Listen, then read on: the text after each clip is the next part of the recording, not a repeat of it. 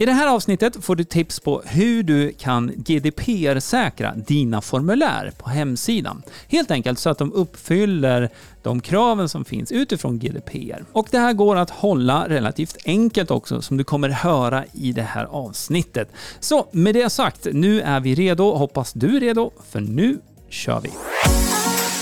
Du lyssnar på Hillmanpodden, en podcast om digital marknadsföring, trender och strategier online. Hillmanpodden presenteras av hillmanacademy.se som hjälper dig jobba smart digitalt. Ja men hejsan! Varmt välkommen tillbaka till ett nytt avsnitt med Hillmanpodden. Innan vi går in på dagens ämne så vill jag passa på att tipsa om våran utmaning som du kan gå helt kostnadsfritt som hjälper dig boosta ditt företag online på tre dagar. Och eh, allt du behöver göra det är att gå till hillmanpodden.se boost och så fyller du i dina uppgifter där och så hoppar den här tre dagars utmaningen igång automatiskt. Så hillmanpodden.se boost och där fyller du i dina uppgifter. Och på den sidan kan du faktiskt också se live, in action, det vi kommer prata om i det här avsnittet, där det handlar om att GDPR-säkra dina formulär på hemsidan. Jag heter Greger. Och jag heter Jenny. Precis. Vad härligt. Det handlar om GDPR, det handlar om formulär. Och jag vill börja med formulären. Mm. Vad ett formulär är, vad använder man till, vad är fördelarna? Vad gör vi? Ja, och eh, jag skulle vilja dela in det här i två typer av formulär på mm. hemsidan. Dels har du det här kontaktformuläret som man ofta har då på kontaktsidan. Det kan man ju ha på flera sidor på sin webbplats. Men där man som besökare då kan eh, fylla i sitt namn, e-postadress och sen skriva en fråga eller... Ja, man kanske har någon fråga om, om produkten eller, eller något sånt. Ja, precis. Och det finns en annan variant på det också, det är om man har en livechatt på sidan mm. där man behöver fylla i namn och e-postadress då för att starta upp chatten. Syftet med den typen av formulär det är ju då för att du ska kunna återkoppla till den här personen som är intresserad. Alltså du öppnar ditt vanliga mailprogram och du mejlar tillbaka enskilt till den personen. Eh, men sen finns det ju en annan typ av formulär, det som kallas för opt-in formulär. Då. Och eh, det är ju det vi pratar om här främst, där du då kan lägga upp ett formulär på din webbplats där man fyller i namn, e-postadress och sen så då blir man prenumerant på ditt nyhetsbrev. Och det här används ju i många olika sammanhang egentligen. Det kan vara till exempel att du ger bort en lead magnet, du ger bort en guide, en minikurs eller Ja, eller, eller att man helt enkelt vill prenumerera på nyhetsbrevet. Så kan det också vara. Mm.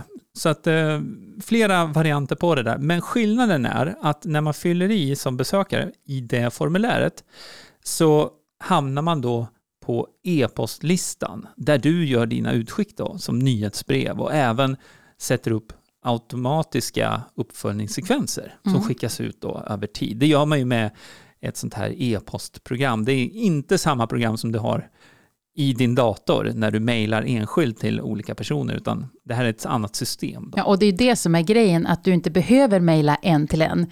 Har du en lead magnet så behöver du inte hålla reda på när man har laddat ner den, utan det sköts automatiskt. Eller om du har just ett nyhetsbrev där du vill skicka ut till en hel lista, ja. så skickar du till hela listan med ett klick. Ja, så för dig som lyssnar, garanterat så får du en hel rad med mejl i din inkorg varje dag, där flera av de här mejlen också är från sådana här nyhetsbrev. Mm. Som du, du har skrivit upp det antar, till någon, något nyhetsbrev, eller så kanske du har handlat i någon webbshop, där du samtidigt då har godkänt för att ta emot mejl tillbaka och få, få kampanjer och erbjudanden och så vidare. Så det är den typen av opt-in vi pratar om här då. Att mm. man har fyllt i sina uppgifter och sen så får man då de här nyhetsbreven och eh, automatiska utskicken då som är uppsatt oftast då i e-posttjänsten.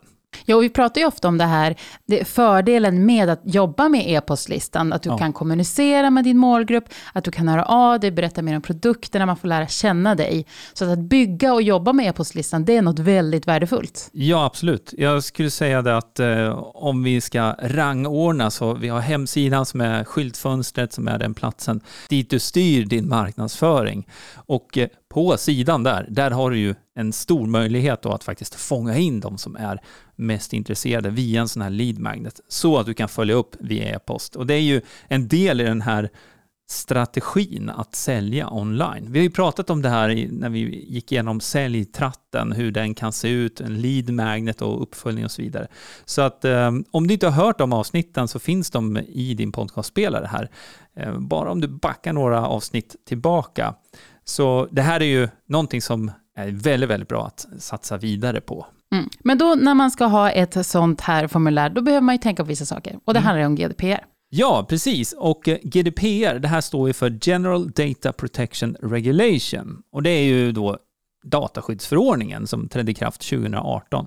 Och det här kan du ju googla upp för att läsa mer om såklart, men eh, om vi ska lyfta ut en av de viktigare sakerna så handlar ju det här om, det, i det här specifika fallet, när vi pratar om formulär, om att du behöver be om medgivande från den som fyller i formuläret på din webbplats för att du ska få skicka ut nyhetsbrev och sådana här automatiserade e-postsekvenser om det är någonting du har också. Så man måste ha det här medgivandet först och främst. Då.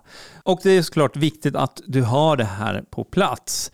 Men innan vi går in nu på hur du kan GDPR-säkra formuläret så måste jag ändå lyfta en liten disclaimer här att eh, vi ger ju ingen juridisk rådgivning kring GDPR på det här sättet. Och det finns ju de som är experter på allt som har med GDPR att göra.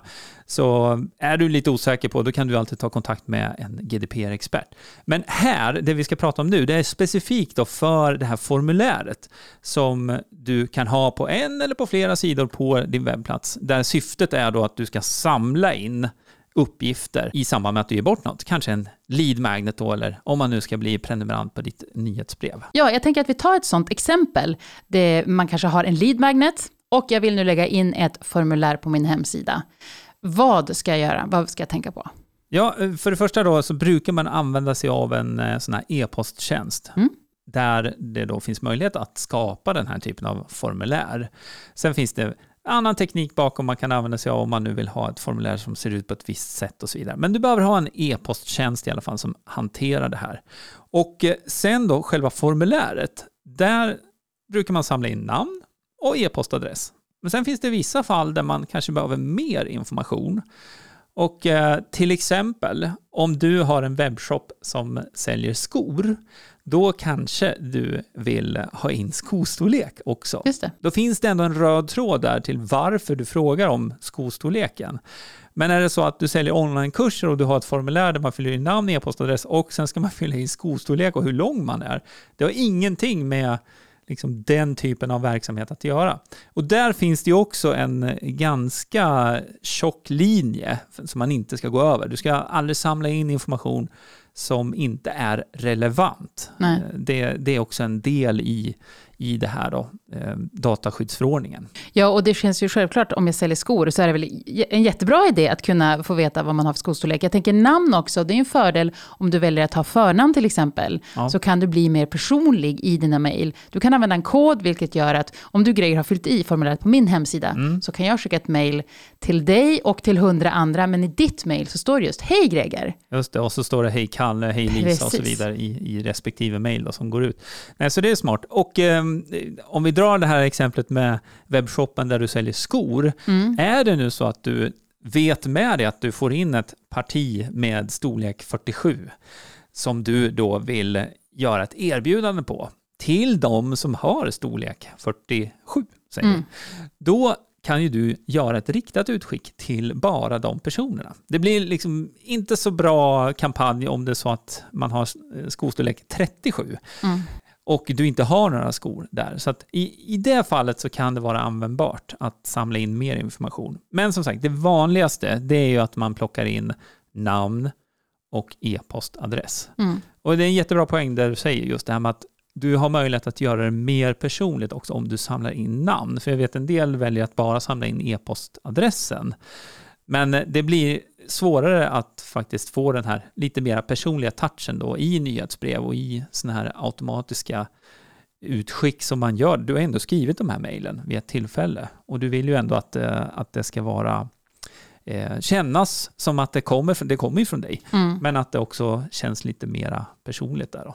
Och sen går vi tillbaka till, för du nämnde ju det kort, det här medgivandet. Ja, Att man det. behöver ett medgivande för att få skicka då e-postbrev här framöver. Ja, precis. Och det här är ju en teknisk sak då som man eh, använder det här formuläret till. Så att du har egentligen ett fält för namn, du har ett fält för e-postadress och sen har du en checkbox och bredvid den checkboxen så behöver det stå någonting i stil med att ja, jag godkänner att ni skickar nyhetsbrev till mig eller mejlar mig framöver. Någon, någonting i den stilen. Och det är där som i den boxen som man måste då kryssa för när man fyller i sina uppgifter. Ja, den får inte vara färdigkryssad. Nej, så får inte vara säga. för i- ibockade, Nej. utan det måste vara ett aktivt val som personen gör. Då, när man, precis som att man fyller i namn och e-postadress, så måste man bocka för den här, eh, det här alternativet, då, att man faktiskt ger sitt medgivande. Och sen klickar man då på knappen för att eh, skicka efter lead-magneten eller bli prenumerant på nyhetsbrevet. Mm. Så, Eh, så den boxen behöver finnas med där. Och sen det som händer rent tekniskt, det är ju då att när man skickar in via det här formuläret så sparas informationen också om det här godkännandet på den personens eh, flik kan man säga då i e-postsystemet. Och det är också någonting som man måste spara och ha enligt GDPR. Då. Så, det- så det är lite bakgrunden där till att det räcker inte med att bara, man bara har en box som de klickar i. Det måste också sparas på profilen då som finns inne i e-postsystemet. Men det här kanske låter krångligare än vad det är. Det, det är ju därför man använder sig av en sån här e-posttjänst som då hanterar de här bitarna automatiskt. Och eh, ja, att du använder en e-posttjänst också som är då GDPR compliant. Precis, som det är ju verkligen viktigt. Jätte, jätteviktigt. Det var ju därför det blev också så stor hype och så mycket kring det när det väl kom. Just det, för många av de här e-posttjänsterna är ju eh, engelska, amerikanska och eh, finns då utanför EU. Och eh, där handlar ju en del av det här också om hur och var datan lagras någonstans. Men det här kan du som lyssnar göra en enkel koll på egentligen. Så har du en sån här e-posttjänst idag, då kan du öppna upp Google och sen så googlar du namnet på din e-posttjänst som du använder och sen så skriver du ett plus och så skriver du GDPR efter. Mm. Och då kommer du komma till någon artikel eller information då från din leverantör och då kan du se där så att, så att det är som det ska så att säga. Men nu, nu är vi flera år efter där. Nu, nu har alla liksom borstat till sig och styrt upp det här. Som är, är man de större, sig. Ja, men de större aktörerna i alla Mm. fall. Mm. Jätteviktigt. Eh, vi, nu tog vi ett exempel med en lead magnet, ett sånt formulär, ett opt-in-formulär. Men andra formulär som man också kan fylla, det är ett köpformulär. Och då kan, då kan jag själv som konsument, för det tycker jag väldigt ofta att jag får fylla i. Man fyller i då för att jag ska kunna köpa den här produkten och sen så finns det flera boxar där nere. Till exempel, ja, jag vill ha ert nyhetsbrev. Just det. Ja, jag vill ha när ni har kampanjer eller erbjudanden. Mm. Och då brukar jag då personligen hoppa över nyhetsbrevet men ta kampanjer och erbjudanden. Just För det är någonting jag kanske vill köpa mer av och framförallt då när de har bra Ja. deals. Och, och då är det ju så att du ger ju ditt medgivande i båda fallen, om du bockar i båda eller bara en, Mm. att de får mejla till dig igen. Eh, Det som händer i det fallet, det är ju också att eh, du segmenterar dig själv egentligen på Precis. den, det som du är mest intresserad av. Så Jag har inte fort- storlek 47, men jag vill gärna få erbjudanden. Ja, precis. Du hamnar fortfarande på deras eh, e-postlista i samband med köpet. Mm. Men sen så också i ett segment. Ja, där. och då är det ju, då är det ju en, en mer utarbetad strategi i deras fall. Ja. Det här behöver man absolut inte ha. Nej, Jag gillar det som konsument bara. Ja, ja, absolut. Och segmentering och sånt, det är ju något, det är ett helt separat avsnitt Ja, tror jag, oh ja. som vi får prata om. Men eh, i det här fallet då, bara för att summera nu, ta en titt på din egen hemsida, kontrollera dina formulär, för det är då de här formulären som är kopplade till en extern e-posttjänst som vi pratar om här, till exempel MailerLite, Mailchimp eller Get a Newsletter eller eh, vad det nu har för någonting. Där behövs den här checkboxen så att man ger sitt medgivande aktivt och bockar i där. Är det på ett vanligt sån här kontaktformulär, då mejlar man ju tillbaka en och en. Mm. Det är inte det vi pratar om idag, utan vi pratar om det här opt-in-formuläret. Mm. Mm. Superbra. Ska vi runda av? Det tycker jag. Vi har ju en sån här härlig sak som vi vill passa på att nämna här nu i slutet också. Precis som vi gjort tidigare. Jag sa det i början, så jag tycker att du ska få säga det nu i slutet. Då tänker du på boosten. Absolut. Ja, visst. Vi har ju en utmaning där du under tre dagar får sätta tänderna i ditt företag, jobba med synligheten online. Kolla in det här, gå till hilmanpodden.se boost. Utmaningen heter ju Boosta ditt företag online på tre dagar. Ja. Så hilmanpodden.se boost, två on. Ja, och eh, dessutom så finns det här i eh, podcastbeskrivningen så du kan klicka Ja. upp det här i podcastappen också. Och så tycker jag det passar väldigt bra nu att knyta ihop den här säcken med att när du går till hillmanpodden.se boost då kommer du också få se den här checkboxen som vi har pratat om. Och då kan du uppleva hela det här flödet. Så att när du fyller i ditt namn, din e-postadress och bockar för där så kommer du bli prenumerant på vårt nyhetsbrev. Och Hurra! dessutom så får du gå igenom den här boosten nu då under tre dagar. Så gör gärna det så kommer vi höras mer här. Men även här i podden så kommer du höra mer av oss redan nästa vecka. Ja, visst. Varje vecka kommer ett nytt avsnitt, så se till att du prenumererar. Ja, Så dyker vi in i dina lurar igen snart. ja och det gör du ju i podcastappen där med ett eller ett par knapptryck bara. Så då tackar vi för idag. Det gör vi. Ha det fint. Hej då! Hej! Hillmanpodden presenteras av hillmanacademy.se Utbildning och coaching online för dig som vill jobba smart digitalt.